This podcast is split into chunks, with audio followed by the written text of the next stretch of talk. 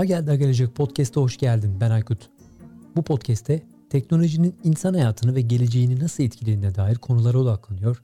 İnternet teknolojileri, sürücüsüz araçlar, sanal gerçeklik, yapay zeka gibi birçok teknoloji temelli konuyu bizzat bu konuları çalışan, bu alanlara yatırım yapan, teknoloji dünyasının içinden gelen akademisyen ve girişimcilerle konuşup tartışıyoruz. Size de öyle geliyor mu bilmiyorum ama gittikçe takip etmekte daha çok zorlandığımız, baş döndüren bir hızla değişen bir dijital dünya ile karşı karşıyayız. Üstelik pandeminin de çarpan etkisiyle dijital araçların zorunluluk haline geldiği bir dönemi yaşıyoruz hep birlikte. Tabi bu yoğun dijital kanal, ürün ve hizmet kullanımı beraberinde ağır bir dijital risk ile birlikte geliyor. Kişisel veri güvenlik açıkları, şifrelerin güvenliği, birçok platformda karşımıza çıkan phishing ataklarına karşı güvenlik sorunu, işte bu sezonu tam da bu ikilemden yola çıkarak hazırladık. Önümüzdeki 6 bölüm boyunca dijital dönüşüm, dijital riskler ve güvenlik, artan e-ticaret ve ticaret alışkanlıkları, alışveriş güvenliği gibi hepimizin hayatında önemli yer tutan başlıklara yer vereceğiz.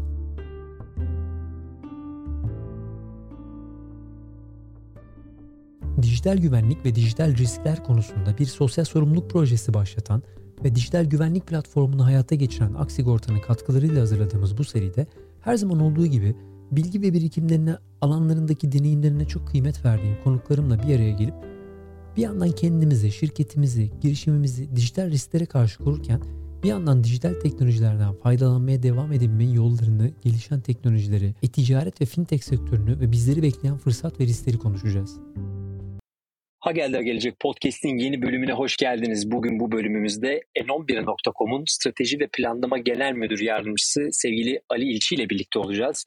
Hem Türkiye'de muazzam bir alışveriş, sanal alışveriş kültürü oluşturmuş olan N11'i konuşacağız. Hem Türkiye'nin e ticaret, e-alışveriş alışkanlıklarını konuşacağız. Tabii ki dünyada da hızla değişen, özellikle Covid sonrası hızla değişen sanal alışveriş trendleri üzerine gelen keyifli bir sohbet gerçekleştiriyor olacağız. Ali Bey hoş geldiniz, nasılsınız? E, merhabalar Aykut Bey, hoş bulduk. Gayet iyiyim, çok teşekkür ederim. E, burada olmak çok keyifli. Davetiniz için de ayrıca teşekkür ederim. Sizler de iyisiniz umarım.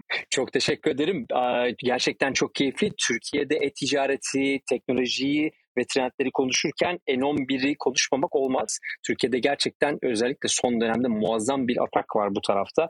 E, biliyorum aslında tüketicilerin de beklediği aslında bugünlere gelmeyi keyifle beklediği bir dönem vardı ama sizle beraber de bu tarafta muazzam değişmeler oluyor. Dolayısıyla birlikte bunu konuşuyor olmak çok keyifli olacak.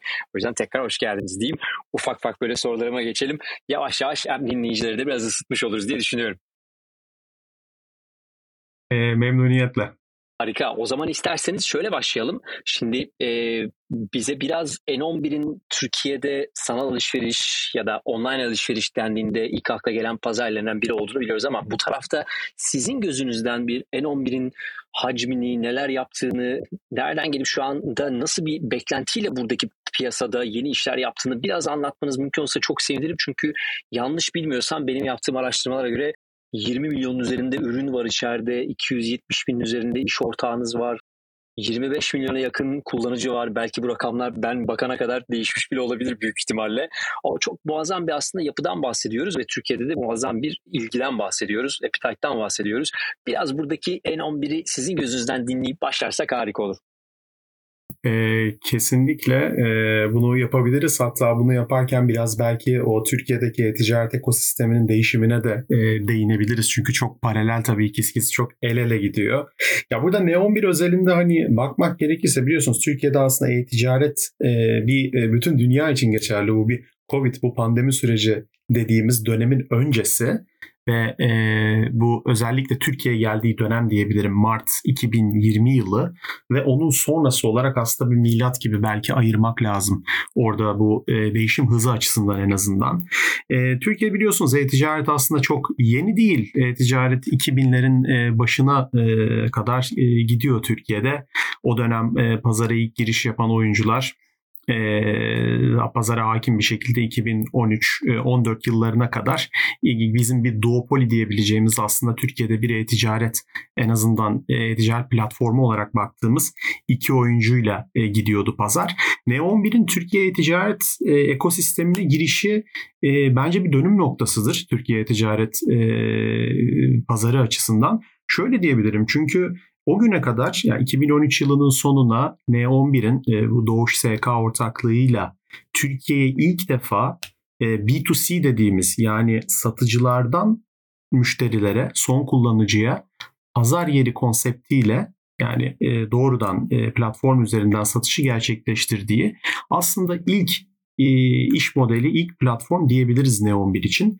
Neon 1 öncesi dönemde pazar biraz daha e, perakendeciliği e, internet üzerinden yapan ya da e, son kullanıcıdan son kullanıcıya C2C diyebileceğimiz e, modellerle gidiyordu. E, aslında o dönemde de baktığınızda 2014'de bu e, biraz da riskli bir iş modeli. Türkiye'de olup olmayacağını bilmiyorsunuz. Burada dinleyicilerimize de biraz bilgi vermek açısından e, pazar yerinden kastım B2C pazar yerinden kastımız burada e, satıcıların yani vergi numarası olan e, iş yeri olan son kullanıcı değil, birey değil, şahıs değil, güzel kişilik olan satıcıların bizim platformumuz üzerinde ürünlerini listeleyerek son kullanıcılara bu ürünleri sunmaları ve son kullanıcıların da bizim platformumuz Neon bir aracılığıyla bu ürünleri e, satın alıyor ve daha sonra da evlerine bir şekilde ulaştırılıyor olması. Burada aslında arada bir e, platform, bir güven unsuru olan bir platform giriyor e, ve son kullanıcılar daha önce tanımadıkları, bilmedikleri bir grup e, şirketlerden, kobilerden, iş yerlerinden bu ürünleri satın alıyorlar. Bu model 2014 yılında Türkiye'de e, tutar mıydı tutmaz mıydı o zaman çok bilinilmeyerek cesurca ve çok güzel kurgulanıp hayata geçirilerek e, Ne11 tarafından bu piyasaya sokuldu. Çok da başarılı olduğunu söylemek mümkün. Bugün hem Ne11'in hem de diğer e-ticaret oyuncularının pazar yeri operasyonlarının bugün e, geldiği noktaya bakarsak bunun ne kadar doğru bir strateji olduğunu da görüyoruz. Neon nereye geldi? Bu 8 senelik e, bizim sektör için uzun görünüyor ama birçok geleneksel endüstri için çok kısa diyebileceğimiz bir sürede.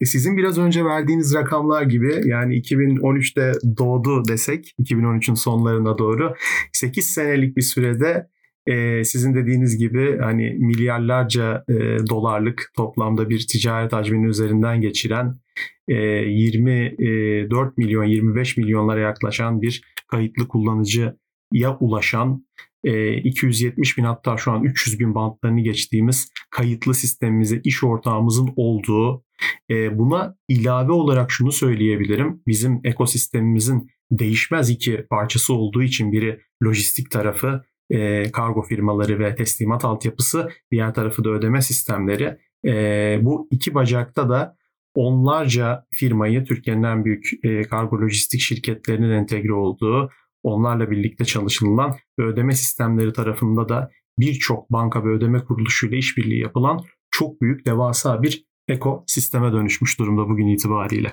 muazzam. Dinlerken bile e, gerçekten heyecanlanıyor insan. Yani 2002-2005 yılları arasında e, ticaret sektöründe çalışma fırsatı olan kişilerden biriyim. Bayağı demin yayından evvel konuştuğumuz gibi bayağı böyle prehistorik age'lerdeki durumunu hatırlıyorum e, ticaretin. Şimdi o zamanlara bakınca tabii şu an inanılmaz bir yer değil ama şu an tabii az evvel söylediğiniz noktalardan bir tanesi benim çok ilgimi çeken kısımlardan bir tanesi. E, özellikle e, yeni satıcıları buraya getirebilmek, yeni bir pazarı oluşturabilmek ve yeni bir yenilik yapmak aslında N11'in yaptığı şey piyasayı tamamen değiştirmek de o tarafta bence. E, bu taraftaki benim gözümden en önemli kısım aslında güveni oturtmaktı muhtemelen. Çünkü Türkiye'de çok da alışılmamış bir şeydi o. E, bir pazar yeri konseptini oluşturmak, tanımadığım bir kişiden bir ürün alabilmek. Bu noktaya geldiğimiz yer gerçekten çok heyecan verici. Evet hani Amerika'da örneklerini uzun yıllardır görüyoruz. Daha alıştığımız bir piyasa. Belki aynı kişi Türkiye'den ülkeden çıkıp oraya gittiğinde daha güvenli alışveriş yapabiliyordu ama Türkiye'de şimdi o güveni oluşturmuş olmak rahatlıkla bu hacimleri yakalayabilmek ki şu anda 25 milyondan fazla üründen bahsediyorsunuz. 300 bin üzerinde kayıtlı iş ortağından bahsediyorsunuz. Gerçekten muazzam e, emeklere sağlık demek lazım bence o tarafta. Bu e, sadece N11 için değil bence benim tarafımdan baktığımda e, bu piyasanın içerisinde bu sektörde çalışan her e, oyuncunun aslında birlikte ürettiği bir güç bence bu. bu çok kıymetli bir şey olduğunu düşünüyorum. Özellikle de dediğiniz gibi Covid sonrasında yaşanan e, artık fiziki alışveriş yapamadığımız, sokağa daha zor çıkabildiğimiz, belki de biraz bunun rahatlığına da alıştığımız bir dönemden bahsediyoruz. O yüzden emeklere sağlık diyelim. E, hemen şimdi aslında bunun sonrasında bir diğer soruya geçelim.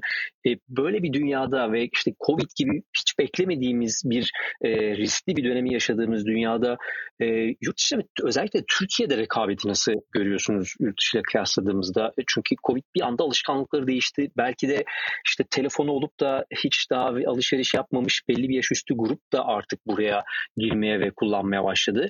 Buradaki alışkanlıkları nasıl görüyorsunuz Türkiye'de? Ee, çok e, güzel e, bir noktaya değindiniz. Bizim de açıkçası hani e, gözlemlediğimiz, gözleyip analiz ettiğimiz ve tahmin etmeye çalıştığımız e, en önemli belki de unsur. Çünkü bildiğiniz gibi aslında bizim dünyamızdaki her şey müşterilerin tercihleri, onların tercihlerindeki değişimlere göre şekilleniyor. E, bu bizim e, işimizin olmazsa olmazı. Bunu yapamazsanız zaten e, yok oluyorsunuz e, orta vadede, uzun vadede. Şöyle diyebilirim. Ben şey fikrine şöyle bakıyorum e, pandemi sürecine. Ya aslında e-ticaret hani düşünürseniz 2000'li yılların başından beri belki 90'ların sonundan beri çok hızlı ve istikrarlı bir şekilde zaten büyümeye devam ediyor. E, bu göreceli olarak Covid dönemine kıyasla e, daha yavaş şekilde oluyordu. Özellikle son 4-5 yıllık süreye baktığımızda. Şey bana biraz hep tuhaf gelmiştir. Hani bugün dünyada perakende sektörünün toplam büyüklüğünü düşündüğünüzde gelişmekte olan ülkelerde bile aslında evet e-ticaret dünyayı böyle ele geçirmiş gibi bir e, hava, bir e, şey oluşmuş durumda. Ancak halen bugün gelişmekte olan ülkelerde bile e-ticaretin özellikle perakendenin toplam perakende payı %25-30'lar mertebesinde. Yani aslında halen e, biz biraz o e, küçük adımlar, emekleme aşaması değil belki ama küçük adımlar e, seviyesinde olduğunu söyleyebiliriz. Yani aslında perakende penetrasyonuna baktığınızda gidecek yol halen çok var. Covid burada ne yaptı pandemi biraz? Ee, özellikle e, bizim ülkemiz özelinde bakmak gerekirse bu trendi aslında değiştirmedi. Yani yön olarak düşünürseniz biz aynı yöne gitmeye devam ediyoruz. Burada aslında pandeminin yaptığı en önemli fark bunu inanılmaz bir şekilde ileri sarmak oldu. Yani hızlandırmak oldu. Burada pandemiyi biraz daha yön saptırmadan e, katalizör etkisi e, yaratma gibi e, düşünebiliriz, konumlayabiliriz. Çünkü öyle bir dönem oldu ki sizin de belirttiğiniz gibi insanların tercih sebebiyle değil, zaruriyetten belli bir noktada mecbur kaldıkları için online kanallara çok hızlı bir şekilde adapte olmalarına e, adapte olmak zorunda bıraktı. Öyle diyebiliriz. Ve bu da şöyle etkiledi. E, birincisi zaten e-ticaretle tanışmış ama çok sık alışveriş yapmayan bir güruh vardı. Onlar için zaten bu dönüşüm çok kolay oldu. Ama burada en önemli noktalardan bir tanesi daha önce internetten alışveriş yapmamış, o güne kadar tercih etmemiş belli sebepler nedeniyle kişisel sebepler olabilir, kötü bir deneyim başkasından duyduğu olabilir, güven unsuru olabilir e, vesaire. E, bu insanların aslında ilk kez alışveriş yapanların e-ticaretle tanışması, e-ticaretin kolaylığını e, görmüş olmaları, bunu deneyimlemeleri, çoğunun da bundan memnun kalması bu penetrasyonu kalıcı hale getirdi. Ve biz bu trendin aynı şekilde bu belki aynı ivmeyle değil ama bu trendin pandemi sonrasında da kalıcı bir şekilde devam edeceğini öngörüyoruz. Özellikle hani Türkiye özelinde bakarsanız bugün halen Türkiye'de e-perakendenin toplam perakende oranı %14-13 civarlarında. İşte biraz önce gelişmekte olan gelişmiş ülkeleri verdim size. Bu neredeyse iki katı bu oranın. Ya aslında Türkiye'nin potansiyel olarak baktığınızda halen gidecek çok fazla yolu var. Covid bunu hızlandırdı e, ve çok büyük katkısı oldu. E, burada hem regulatif anlamda hem ekosistem anlamında çok fazla e, çözümün hızlıca ortaya çıkmasında ve insanların adaptasyon sağlamasında ve bu muhtemelen bu şekilde devam edecek. Yani daha e, başlangıç demeyeyim ama daha ortalarda bile değiliz bence. Yani tabii bir şeye de baktığımızda e, Türkiye hep e, özellikle internet kullanımı noktasında işte teknolojiye alışkanlık konusunda hep listelerde e, yoğun ve bir numara ilk üçlerde beşlerde olan bir ülke. Müthiş bir adaptasyon hızı var burada adaptasyon hızı var aslında baktığımızda. E, e-ticaret tarafında da bu işin daha başlarında olduğumuzu daha gidecek çok yer olduğunu düşünmek gerçekten çok doğru gözüküyor. E, çok hazır ve genç bir kitle var bu tarafta. Şeye de katılıyorum yani Covid'in çok iyi bir tespitti bence o. Bu gerçekten bir oyun değiştirici ve hızlandırıcı oldu. Orada tabii e, bir anda siz bunu söylerken şöyle bir soru aklıma geliyor. E, bu tarafta bu hızlandırma etkisinin yanında e, adaptasyonda ne gibi engellerimiz var Türkiye'de? Aslında teknoloji anlamında ödeme altyapıları olarak globale baktığımızda Türkiye'de müthiş bir değişim, müthiş bir hız var. Hatta birçok ülkeden çok daha hızlı bir ödeme altyapısı kurabiliyoruz. Yine teknolojiler üretebiliyoruz. Ama e-ticaretin önünde Türkiye'de sizce daha hızlı gidebilecek imkanları yaratmak için en büyük engel nedir? Neyi aşmamız lazım? Bu tüketici tarafından mı yoksa teknolojik altyapı tarafından mı?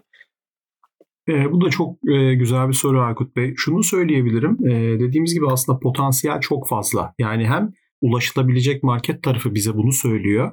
Hem de aslında Türkiye'nin temel göstergelerine baktığınızda sizin de belirttiğiniz gibi burada e, yani ileri gitmemek için aslında hiçbir sebep yok.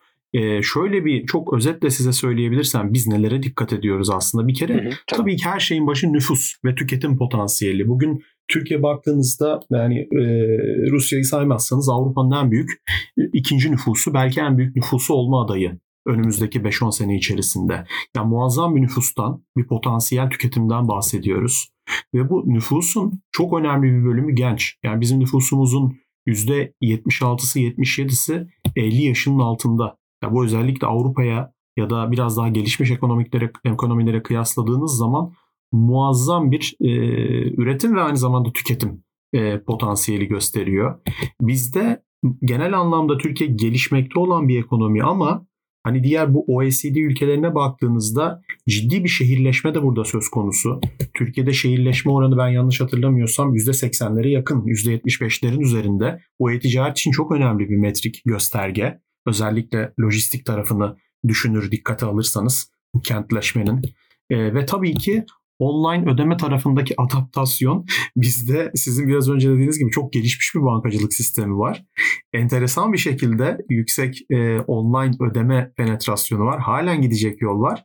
Ama biz e, örnek veriyorum bir Rusya ya da e, özellikle Doğu Avrupa'daki bazı ülkeler gibi değiliz. Hatta ben e, yanlış bilmiyorsam Türkiye Avrupa'nın sirkülasyonda en çok kredi kartı olan e, ülkesi konumunda. Yani biz aslında e, kredi kartı ödeme, e, kredi kartı kullanma alışverişte ve olan penetrasyonda bayağı ileri seviyedeyiz. Burada şu, sizin konunuza geleceğim. Yani aslında temel göstergeler bu işin gideceğini gösteriyor. ileri doğru kesinlikle. Yani orada hiç bir şüphe yok. Peki ne daha şey olabilir? Burada şunları ekleyebiliriz. Birincisi e, tabii ki her şeyden önce ise bence güven çok önemli bir unsurdu. Ama hakikaten biraz pandeminin etkisi, o mecburiyet, zaruriyet biraz da artık çok fazla özellikle Türkiye'de bu işi yapan kurumlar da hakikaten e, önemli e, firmalar. Bugün baktığınızda Neon arkasında Doğuş grubu gibi Türkiye'nin en köklü en eski en prestijli holdinglerinden birisi var. Yanında SK yine bir dünya devi Koreli bir grup var. Amazon burada bir dünya devi. E, Trendyol, Alibaba yine bir dünya devi burada. E, hepsi burada aynı şekilde bugün halka da açık bir e, firma ve eBay bir gitti gidiyor. Yani burada aslında baktığınızda ekosistemde sizin e, interaksiyonda olduğunuz tarafların hepsi e, gayet e, reputasyona sahip e, kurumsal şirketler. Bu insanlara bence çok fazla güven aşılıyor zaten. Covid döneminde de bunu bence büyük ölçüde nüfusun önemli bir oranı aştı. Şöyle e, bir noktaya değinebilirim. Bu daha nereye gidebilir? Türkiye lojistik altyapı sistemi e, tarafında aslında iyi bir noktada. E, bizde biraz e, son teslimatta biraz sıkıntılar vardı. Şöyle düşünebilirsiniz. E, ne kastediyorum? E-ticaret çok hızlı büyüyordu. Türkiye'de kargo lojistik o da hızlı büyümesine rağmen e-ticarete yetişemiyordu. E şimdi sizin sonuçta dünyada istediğiniz kadar ürünü satın e, teslim etme kapasitesi kısıtlıysa sizin aslında yaptığınız iş onunla kısıtlı. Yani bir darboğaz aynen öyle bir darboğaz olacak. Ama bizim gördüğümüz e, bizim bu konuda çekingelerimiz vardı 2018 yılının sonlarına doğru. Ama e, hakikaten e, Türkiye'de e, lojistik firmaları o kadar hızlı bir refleks gösterdiler ki özellikle pandemi dönemi ve sonrasında gerek kapasite arttırımları olsun, yeni oyuncuların sektöre girmesi olsun, e, inovatif çözümler olsun. Son teslimat tarafında startuplar çıktı çok fazla sayıda ve bu dar boğazı aslında biz açtık gibi görüyoruz. E, bu çok önemli bir gelişmeydi. Ve e, bunun e, tabii o tarafta bir sıkıntı olmaması ve gelişerek, inovasyonla gelişerek de o kapasitenin artarak devam etmesi e, e-ticaretin büyümesinin önünü açıyor. Bir diğer bacağı da burada halen ödeme tarafına biraz finansal hizmetlere bakmak lazım. Evet kredi kartı penetrasyonumuz yüksek ancak halen Türkiye'de e, bankacılığa penetre olmamış bir nüfus da söz konusu. E, biz en büyük potansiyellerden birini açıkçası orada görüyoruz. Özellikle bu şimdi artık fintech denen e, yeni yani teknoloji e, odaklı biraz e, finansal oyuncuların sahaya girmesi, bankalarında bu tarafta inovatif adımlar atması özellikle o unbank dedikleri yani bankacılık sisteminin dışında kalmış ya da bir şekilde bu e, bankacılık ürünlerini, finansal ürünleri kullanıp internetten alışveriş yapamayan kitlenin de önümüzdeki dönemde buraya dahil olması bizce bu penetrasyonu daha da hızlandıracak. Yani iyi bir noktadayız. Temellerimiz sağlam e, ama bu iki tarafta açılacak yolla birlikte e, bence e, çok daha hızlanabiliriz. Uç, uçuşa geçmek için hazırlanıyoruz diyorsunuz yani. bir, bir biraz öyle oluyor. Evet. Aslında tabii demin söylediğiniz nokta çok kıymetliydi. Ee, şimdi e, Amerika'daki e, bu, bu işlerin devam ettiği modele baktığımızda e, dağıtım lojistik tarafının kendini adapte edememesi sonrasında tabii işte Amazon gibi firmaların kendi dağıtım e, ağlarını kurmaya başladığı ve sektörü değiştirmeye başladığı bir yer görüyoruz o tarafta. E, Türkiye'de tabii şeyi görmek ve sizin ağzınızdan duymak bence kıymetli. Lojistik tarafta da e, girişimlerin, şirketlerin kendini buna hızlı adapte ettiği ve sizlerle beraber daha e, odaklı çalışabildiği bir sektörün oluşması aslında e, geniş anlamda çok daha faydalı, herkesin faydalanabildiği bir e, temelleri sağlam bir sektör oluşturuyor gibi hissediyorum o tarafta. Bilmiyorum yanlışım olursa beni düzeltirsiniz. Öteki türlü çünkü e, tüm e-ticaret firmalarının bir anlamda da kendi yatırımlarını yaptığı ve işte her işi sahiplenmek durumunda kaldığı bir yer oluyor. Onun da tabii artısı eksisi tartışılır. Dünyada benzer örnekleri görüyoruz ama şey tarafında da özellikle bankacılık tarafında demin söylediğinize de katılmamak mümkün değil. Türkiye'de genelde kullanıcılar biraz bankacılıktan şikayet ederler ama buradaki bankacılık o kadar daha hızlı ilerlemiş vaziyette ki biz galiba o hıza çok alıştık ve onu normalleştirmeye başladık.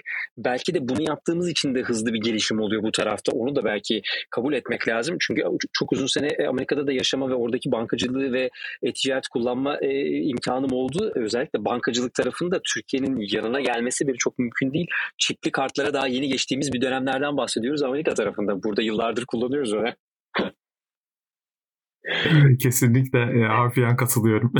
Çünkü sizin kadar deneyimlemedim ama e, o kısa deneyimin bile fazlasıyla yetti onu gözlemlemeye. Yani Türkiye enteresan bir ülke. Hani sonradan geliyor birçok konuda aslında. Teknolojik tarafta da, hizmetler tarafında da ama çok hızlı bir şekilde ileri gidiyor gözüküyor.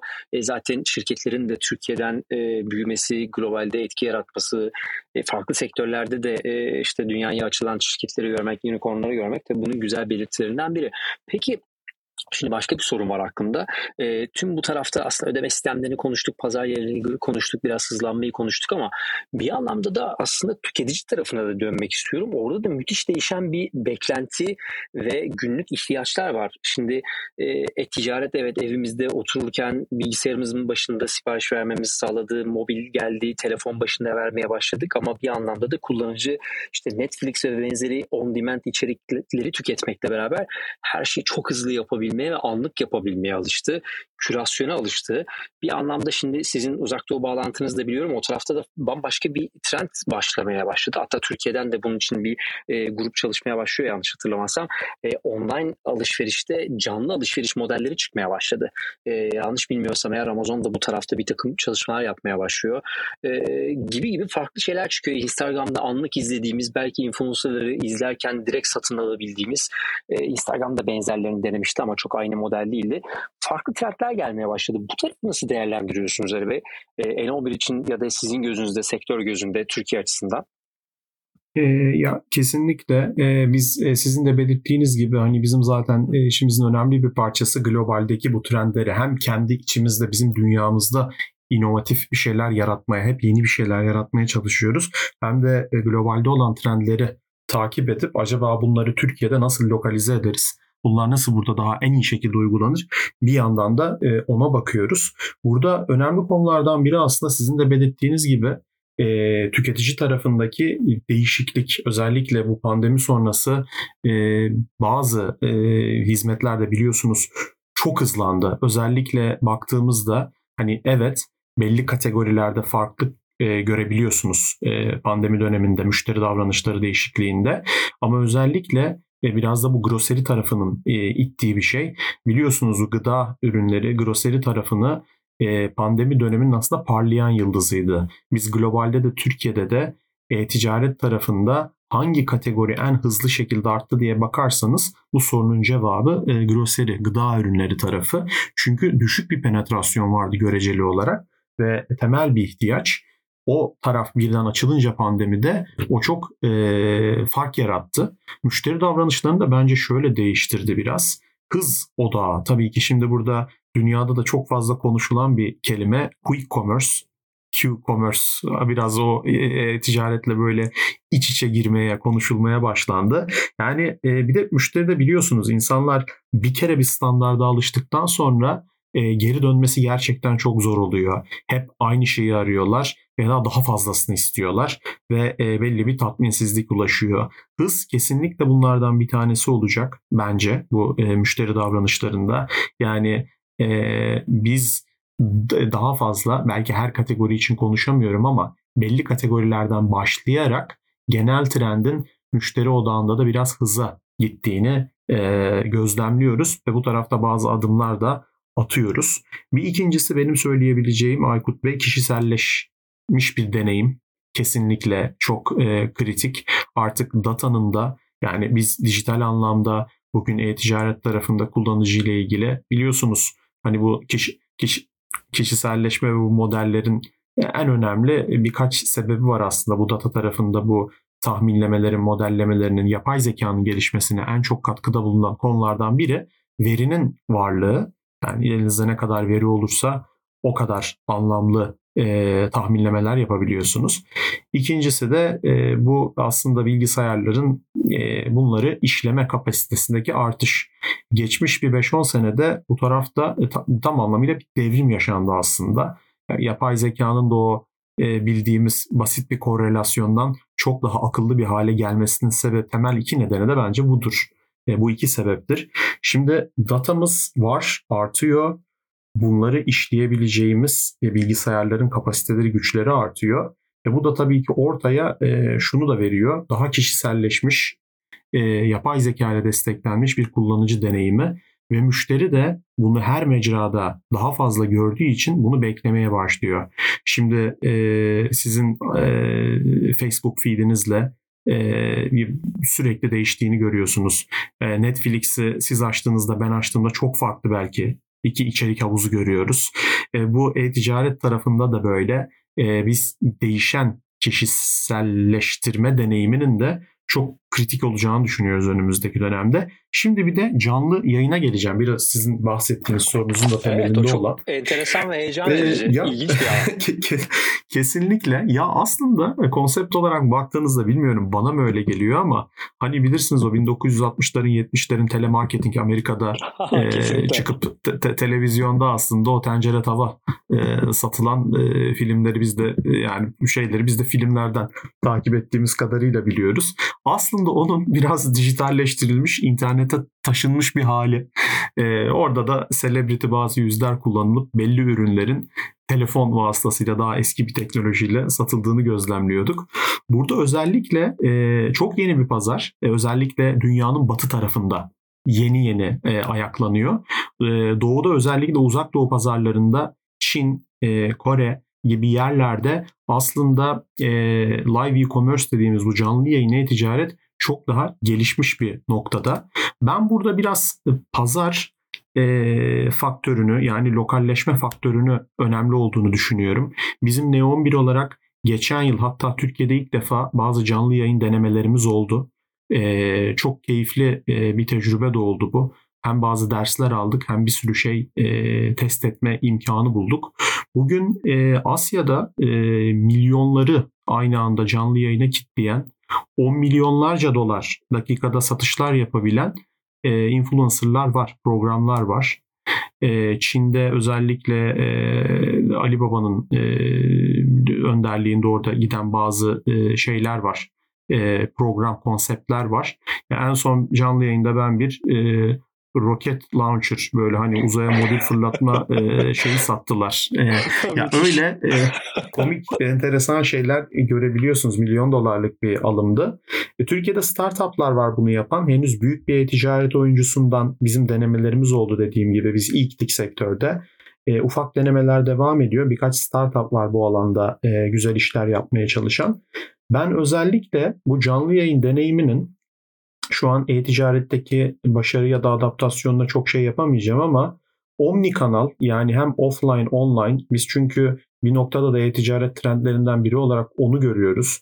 Yani artık offline ile online arasındaki o çizginin iyice kaybolduğu e, ve e, omni kanal bir dünyaya gidişi.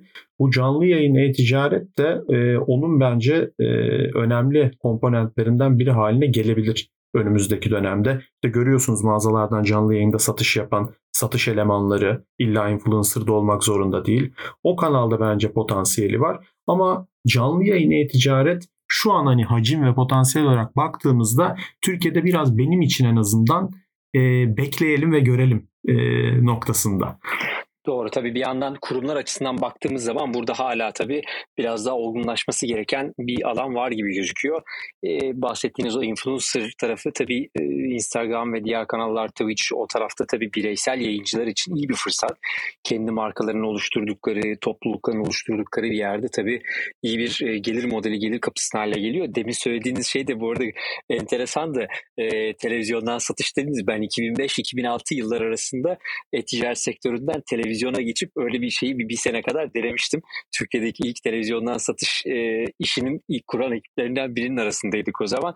E, yani şeyi görmek çok ilginçti o sene yani yıl 2005 ama e, televizyondan pırlanta mı satılır denilen yerde biz oda dolusu pırlantayı bir saat içerisinde satıp sonra yenisini bulmaya çalıştığımız bir böyle bir e, enteresan fenomen görmüştük orada.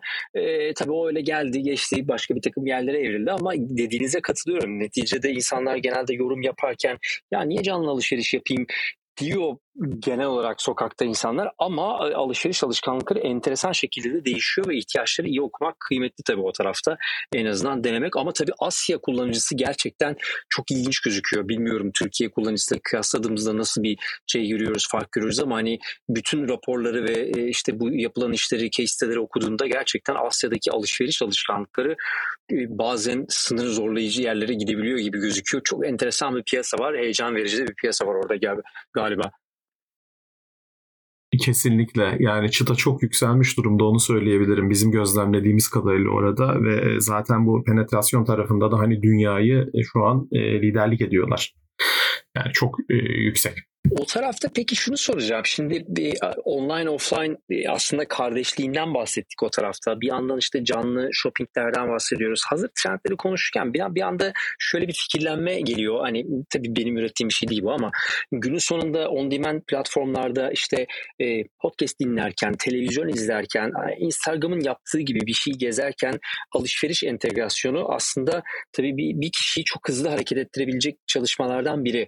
E, işte bir dizi diziyi izlerken üzerindeki kıyafeti beğenip almak, işte arka tarafta kullanılan bir ürünü almak. Bu tarafta Türkiye'de böyle bir e, altyapı var mı? Bunu tamamen bilmediğim için soruyorum. Yani yayına gelirken böyle bir soruyla gelmemiştim aslında ama bu sizin söylediğinizden dolayı etkilenerek düşünüyorum şu anda.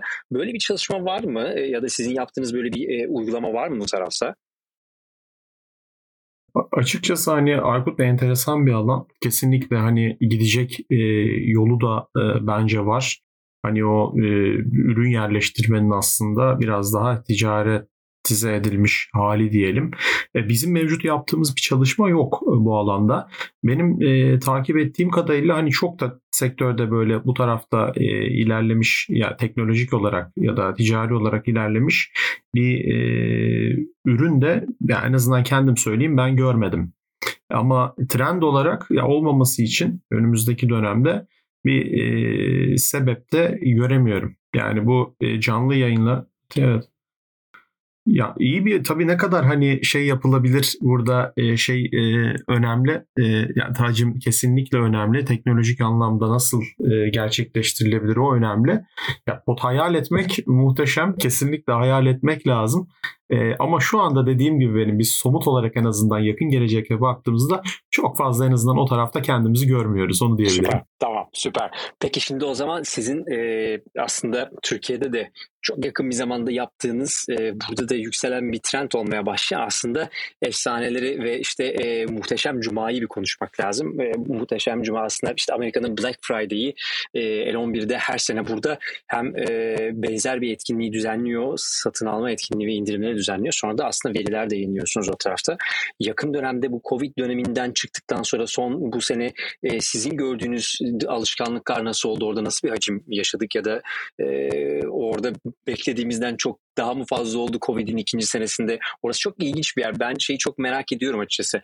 Black Friday kavramını Türkiye'de oturtmak da e, bence zor olan şeylerden biriydi ama çok iyi oturttu bu taraf. E, orayı da biraz anlatırsanız çok memnun olurum.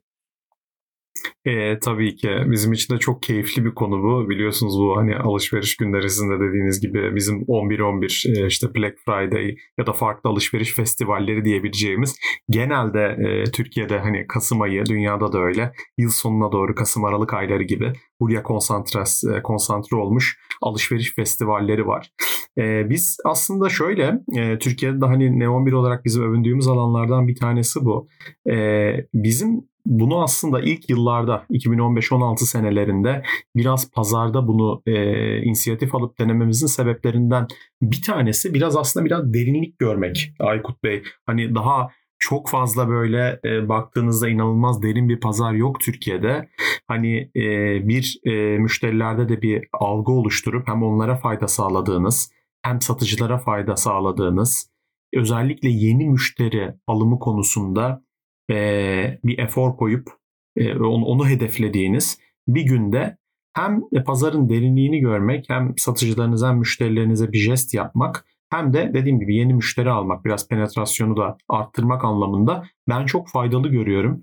Çünkü e, bu günler hani özellikle iki, dediğim gibi biraz geçmiş dönemi düşünürsek Türkiye'de internet alışveriş yapan kullanıcı sayısının göreceli olarak daha az olduğu günleri bu tarz festivaller, bu tarz günler hem bir finansal fayda sağlıyor hem de algısal olarak keyifli bir alışveriş e, deneyimi yaratıyor. Bu da biraz marketing, branding anlamında insanları çekiyor buraya. Onlar e, bunun bir parçası olmak istiyorlar. Aynı zamanda bazı e, finansal faydalardan da yararlanarak ve e, bu tarz kanallara geliyorlar.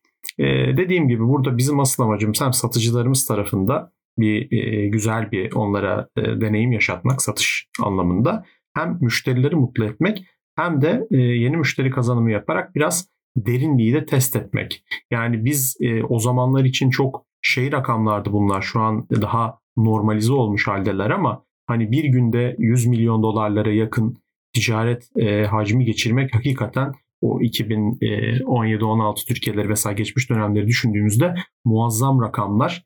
Burada hem bir altyapı testleri yapmış oluyorsunuz hem bir pazar derinliği test etmiş oluyorsunuz. Hem de e, dediğim gibi asıl bence burada önemli şeyi insanlara da o bir festival e, deneyimi algısal olarak bilinçaltlarında o şeyi yaratıyorsunuz ve onlar her sene bir beklentiye giriyorlar. Tatlı bir dönem oluşuyor o dönemde e, alışveriş festivali yaklaşırken bunlar önemli bence sektör için. Bir yandan da dediğiniz gibi tam bir penetrasyon testi aslında. Tam bir sistem testi yapıyorsunuz. E, yoğun öyle bir kullanıcıyı bu tarafa e, yo- yoğun bir şekilde çekmek de e, sizin için de aslında zorlu da bir gün tüm ekipler için muhtemelen. Kesinlikle. Yani operasyonel anlamda düşünürseniz aslında evet son yıllarda çok aşıldı ama hem teknolojik olarak hem ödeme sistemleri anlamında olarak çünkü bir anda e, yüz binlerce siparişin sepetlerden e, bankalarla konuştuğunu düşünün sistemlerin e, API'ler üzerinden. Ardından da tabii bunun bir lojistik bacağı var. E, o ürünlerin e, biraz önce o darboğaz konuştuk. Geçmiş yıllarda en önemli karşılaşılan sorunlardan bir tanesi örneğin sektör adına söylüyorum bunu Neon 1 için değil yakından takip ettiğimiz için e, bu teslimattı. Biliyorsunuz Kasım'da bazen sipariş verirdiniz. Yani 3 hafta sonra, 1 ay sonra e, paket ulaşırdı. Yani acaba e, lojistik tarafında e, kargo firmaları bu talebi karşılayabilecekler mi diye. Bugün ama çok şanslıyız. Bugün bence o noktaya geldik. Hani e, pazarı ite ite test ede de o günlerde biraz böyle hani dar boğazları da bazen sıkmak gerekir ya verirsiniz şeyi açılıyor mu diye. E, bugün bence o noktaya gelmemizde de o günlerin o festivallerin çok büyük katkısı oldu. Vallahi emeklere sağlık diyelim. Ee, bir de şimdi tabii aslında biraz işte altyapıyı konuştuk, trendleri konuştuk, Türkiye'deki mevcut durumu konuştuk. Ee, burada biraz da şeye de dönüp bir bakmak lazım ki N11'in aslında en kuvvetli olduğu taraflardan biri neticede e, aslında pazar yerlerinden bahsediyoruz. Bu işin bir de COBİ'ler tarafı var. Onların içinde tabii Türkiye'de pazar yerleri müthiş bir ticari fırsat da beraberinde getiriyor ve kendi tüketicilerine ulaşabilecekleri bir kanal oluşturuyor bir yanda baktığımızda. E, bu tabii müthiş heyecan verici bence. E, kendi şirketini ufaktan kurmuş, büyütebilecek, kendi altyapısını yapmaktansa mevcut pazar yerleri değerlerini kullanıp daha çok kişi ulaşabilecekleri bir durum oluşturuyor. Tabii bu da beraberinde Türkiye'de hep konuşulan bir şey getiriyor. COBİ'lerin dijitalleşmesi. Ee, her sene bunu konuşuruz. İşte her sene bunda bir, bir adım daha ileri gitmeye çalışırız ama böyle bir asılı tepede kalan bir şeydir bu. Sizin tarafınızdan baktığınızda buradaki dijitalleşme süreci e, sizin beklediğiniz hızda gidiyor mu? Burada bir takım hala daha yapılması gereken şeyler var mı? Özellikle sizle beraber çalışırken e, COBİ'lerin. E, kesinlikle bence hani bu gerçekten üzerinde durulması gereken bir konu. Siz de bunu getirdiğiniz için teşekkür ederim. E, ben aslında biraz önce sizin ilk sorunuzda e, N11'in pazara girişinden bahsettik bildiğiniz gibi pazar yeri konseptiyle. Ve bu pazar yerinin de tabii ki iki çok önemli tarafı var. Biri müşterilerse öbürü satıcılar. E, bugün baktığımızda N11 tarafında hani bizi belki de sektörde en çok ayrıştıran noktalardan biri aslında Neon 1'in bir anlamda Türkiye'deki kobileri özellikle altını çizerek söylüyorum kobileri ve e, diğer tabii ki perakendecileri e, dijital ortama taşımaya öncülük etmiş olması. E, 2014 yılından beri e, Türkiye'nin belli bölgelerine yayılmış 7'ye yakın e, saha ofisiyle, bölge ofisiyle Burada bölge ofisinden e, amacımız e, yani fiilen sahada ofisler tutarak o günün şartlarında düşünün COBİ'lere birinci seviye ticareti anlatmak, öğretmek, onların platforma daha hızlı ve kolay bir şekilde e, adapte olabilmelerini, giriş yapabilmelerini sağlamak, onlara fotoğraf eğitiminden tutun, e, platform kullanımına kadar, e, fotoğraf çekiminden tutun platform kullanımına kadar eğitim vermek ve onları platforma adapte etmek.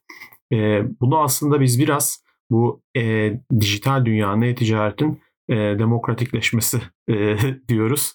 E, o anlamda hakikaten e, Neon 1'in e, Türkiye e-ticaret ekosistemine çok büyük katkısı vardır. E, 7 yıla aşkın sürede işte biraz önce de size söyledim 300 binlerin üzerinde bir kayıtlı e, satıcı sayısına e, ulaştık. Hani bugün Türkiye'de baktığınızda tabii aktif olarak satış yapanlar var. Ve verileri inceliyorsunuz. 2021 yılında 300 e, binin üzerinde e, SME diyebileceğimiz e, satıcı, KOBİ diyebileceğimiz satıcı aktif olarak satış yapmış. Bu rakam 2019 yılında 70 binler mertebelerindeymiş. Hani burada da Covid şeyini de pandemi etkisini de görüyorsunuz. O evet belli bir penetrasyona gelmiş sektör ama neredeyse 2 yıldan az bir sürede de 3'e katlamış. Kendini 4'e katlamış. Muazzam bir e, rakam hakikaten orada. Biz e, bu e, tabii pandemi şartlarında da hiç hız ver e, hız kesmedik o tarafta. Şu hakikaten çok önemli olduğunu düşünüyoruz ülke için. E, özellikle o dönemde bildiğiniz gibi e, geleneksel kanalların kapanması birçok iş yerinin neredeyse ticaretini durma noktasına getirmişti. O dönemde biz e, ticaret platformları olarak e, bir alternatif satış kanalı sunduk e, bu insanlara. e, tedarik zincirinde de sıkıntılar yaşanan dönemde ve onların aslında bir anlamda satış yapmaya devam etmelerini, işlerine e, devam etmelerine e, yardımcı olmuş olduk. Ve o dönemde de hiç bu eğitim tarafında webinarlar olsun vesaire kesmedik. E, bizim aslında Türkiye'de de şeyin hakkını vermek lazım. E, bizde de hakikaten girişimciler hem çok yaratıcılar, ve hayatta kalmayı çok iyi biliyorlar hem de çok hızlı adapte olabiliyorlar. Bence Türkiye'deki COBİ'lerde dijital adaptasyon konusunda e, muazzam bir e, şey gösterdiler, refleks gösterdiler. Onu da söylemek lazım. Bu evet e, takdire şahin her durum altında bir şekilde üretmeye çalışmaya devam edebilen bir girişimci ve e, iş yapan insan e, potansiyeli var. Bu da tabii gerçekten bizim için çok önemli. E, eminim önümüzdeki yıllarda buradaki fırsatlar arttıkça da daha farklı şeyler üretebiliyor olacağız. E, zaten yayının başında da konuştuğumuz gibi Türkiye'den çıkan globale giden e, markalara da baktığımızda e, bunların arkasında da gerçekten önemli gerek yazılım anlamında gerek e, iletişim anlamında gerek pazarlama anlamında çok kuvvetli ekipleri görüyoruz. Bu da tabii e, bizim için önemli. Bunlar da tabii hep e, e, farklı farklı sektörlerden geliyor. Önemli bir nokta olduğunu düşünüyorum. Peki şimdi e, son bir tane sorun var aslında. Tüm bunları bağladığımız bir yere çıkacağım. Biraz evvel aslında e, biraz penetrasyondan bahsettik. Alışveriş festivallerinde yoğun e, alışveriş günlerinden ve rakamlarından bahsettik. İşte COBİ'lerin e, hızlı bir şekilde adaptasyonuna uğrayıp aslında daha fazla COBİ'nin burada ticaret yaptığından bahsettik. Tabii bu günün sonunda da daha fazla alışveriş ve tüketici demek. Ama bir anlamda bütün bu işleri dijital kanallar üzerinde gerçekleştiriyoruz. Burada da günün sonunda aslında bir e, hem kişisel bilgi nin korunmasını gerektirdiği bir durum var. Hem e, tüketicinin kendini koruması gerektiği bir bilinç ihtiyacı olduğu bir yer var. Bir de tabii sizin bulunduğunuz noktada COBİ'lerin adaptasyonu sürecinde COBİ'lerin de e, bu noktada daha bilinçli bir şekilde aslında dijital kanalları kullanabildiği, e, kendine eğitebildiği, dışarıdan e, bu bilgi birikime destek verilebilen bir ihtiyaç var.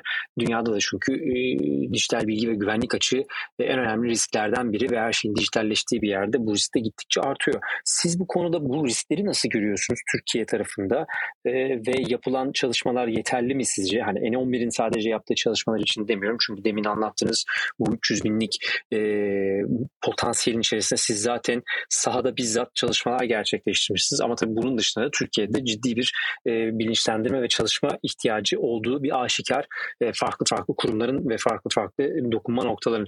Bu taraftan baktığınızda o dijital güvenlik kısmını siz nasıl okuyorsunuz Ali Bey? E, ya e, kesinlikle bu çok önemli bir alan. Yani dünyada da e, Türkiye'de de e, bildiğiniz gibi zaten bu tarafta kanunlar da hani e, şey vardır e, öyle derler yani e, hukuk e, bu teknoloji tarafında bir 10 yıl geriden gelir diye hani çünkü hakikaten öyle hızlı ilerliyor ki özellikle internet dünyasında gelişmeler yasalar bazen onun arkasında kalıyor e, ve arkadan takip etmek zorunda e, oluyor. Yalnız bu kişisel veriler ve kişisel verilerin korunması kapsamında e, çok ciddi bir hassasiyet var. Hem Türkiye'de hem e, dünyada. Biliyorsunuz bizde de KVKK e, kapsamında zaten bunlar ele alınıyor. Ya Ben şöyle aslında bakıyorum. Türkiye'de bu arada bayağı ciddi bu mesele.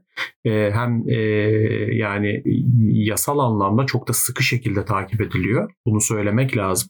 Bizdeki e, hem devlet kurumları hem yasal organlar da hakikaten çok sıkı şekilde bunu takip ediyorlar. E, biz e, burada bir ikiye ayırayım. Hani bir ödeme tarafındaki güvenlikten bahsediyorsak bence Türkiye hakikaten çok iyi bir noktada. Siz de biraz önce söylediğiniz bankacılık sistemi altyapısal olarak da müşteri deneyimi olarak da çok gelişmiş noktada Türkiye'de bence.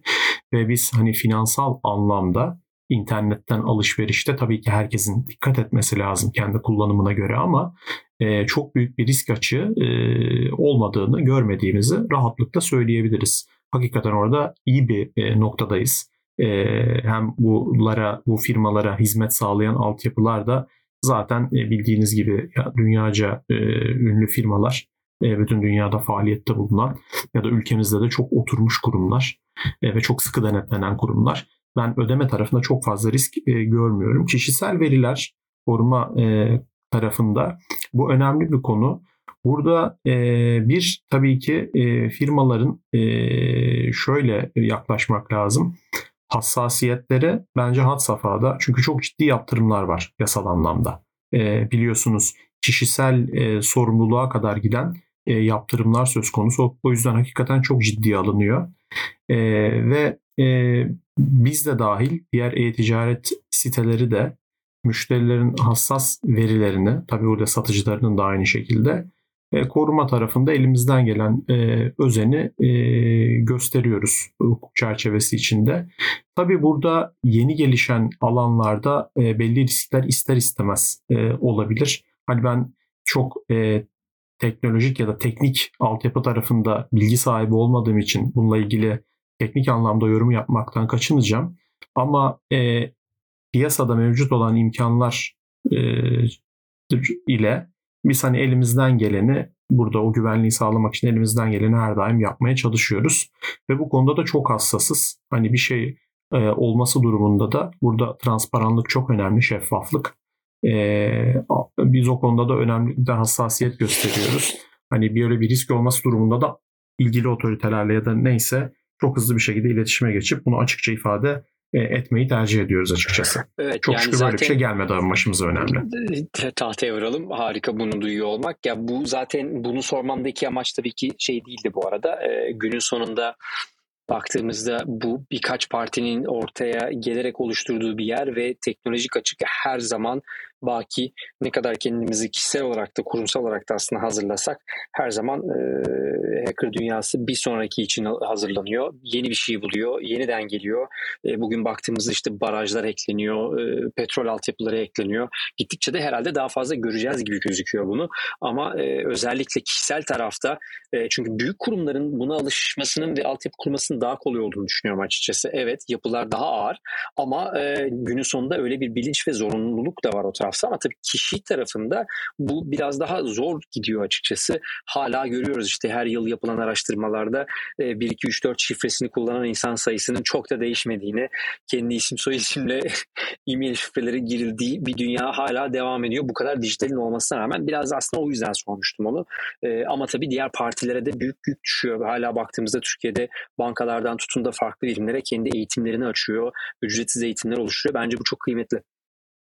Aykut Bey şunu ben söyleyebilirim. Bence bu çok önemli. Buna şöyle dediğinize ilave edeyim. Burada aslında şirket tarafında e, veri bilinci oluşturulması çok önemli. Çünkü günün sonunda evet teknolojik anlamda yani siber security, güvenlik anlamında, siber güvenlik anlamında alacağınız önlemleriniz var.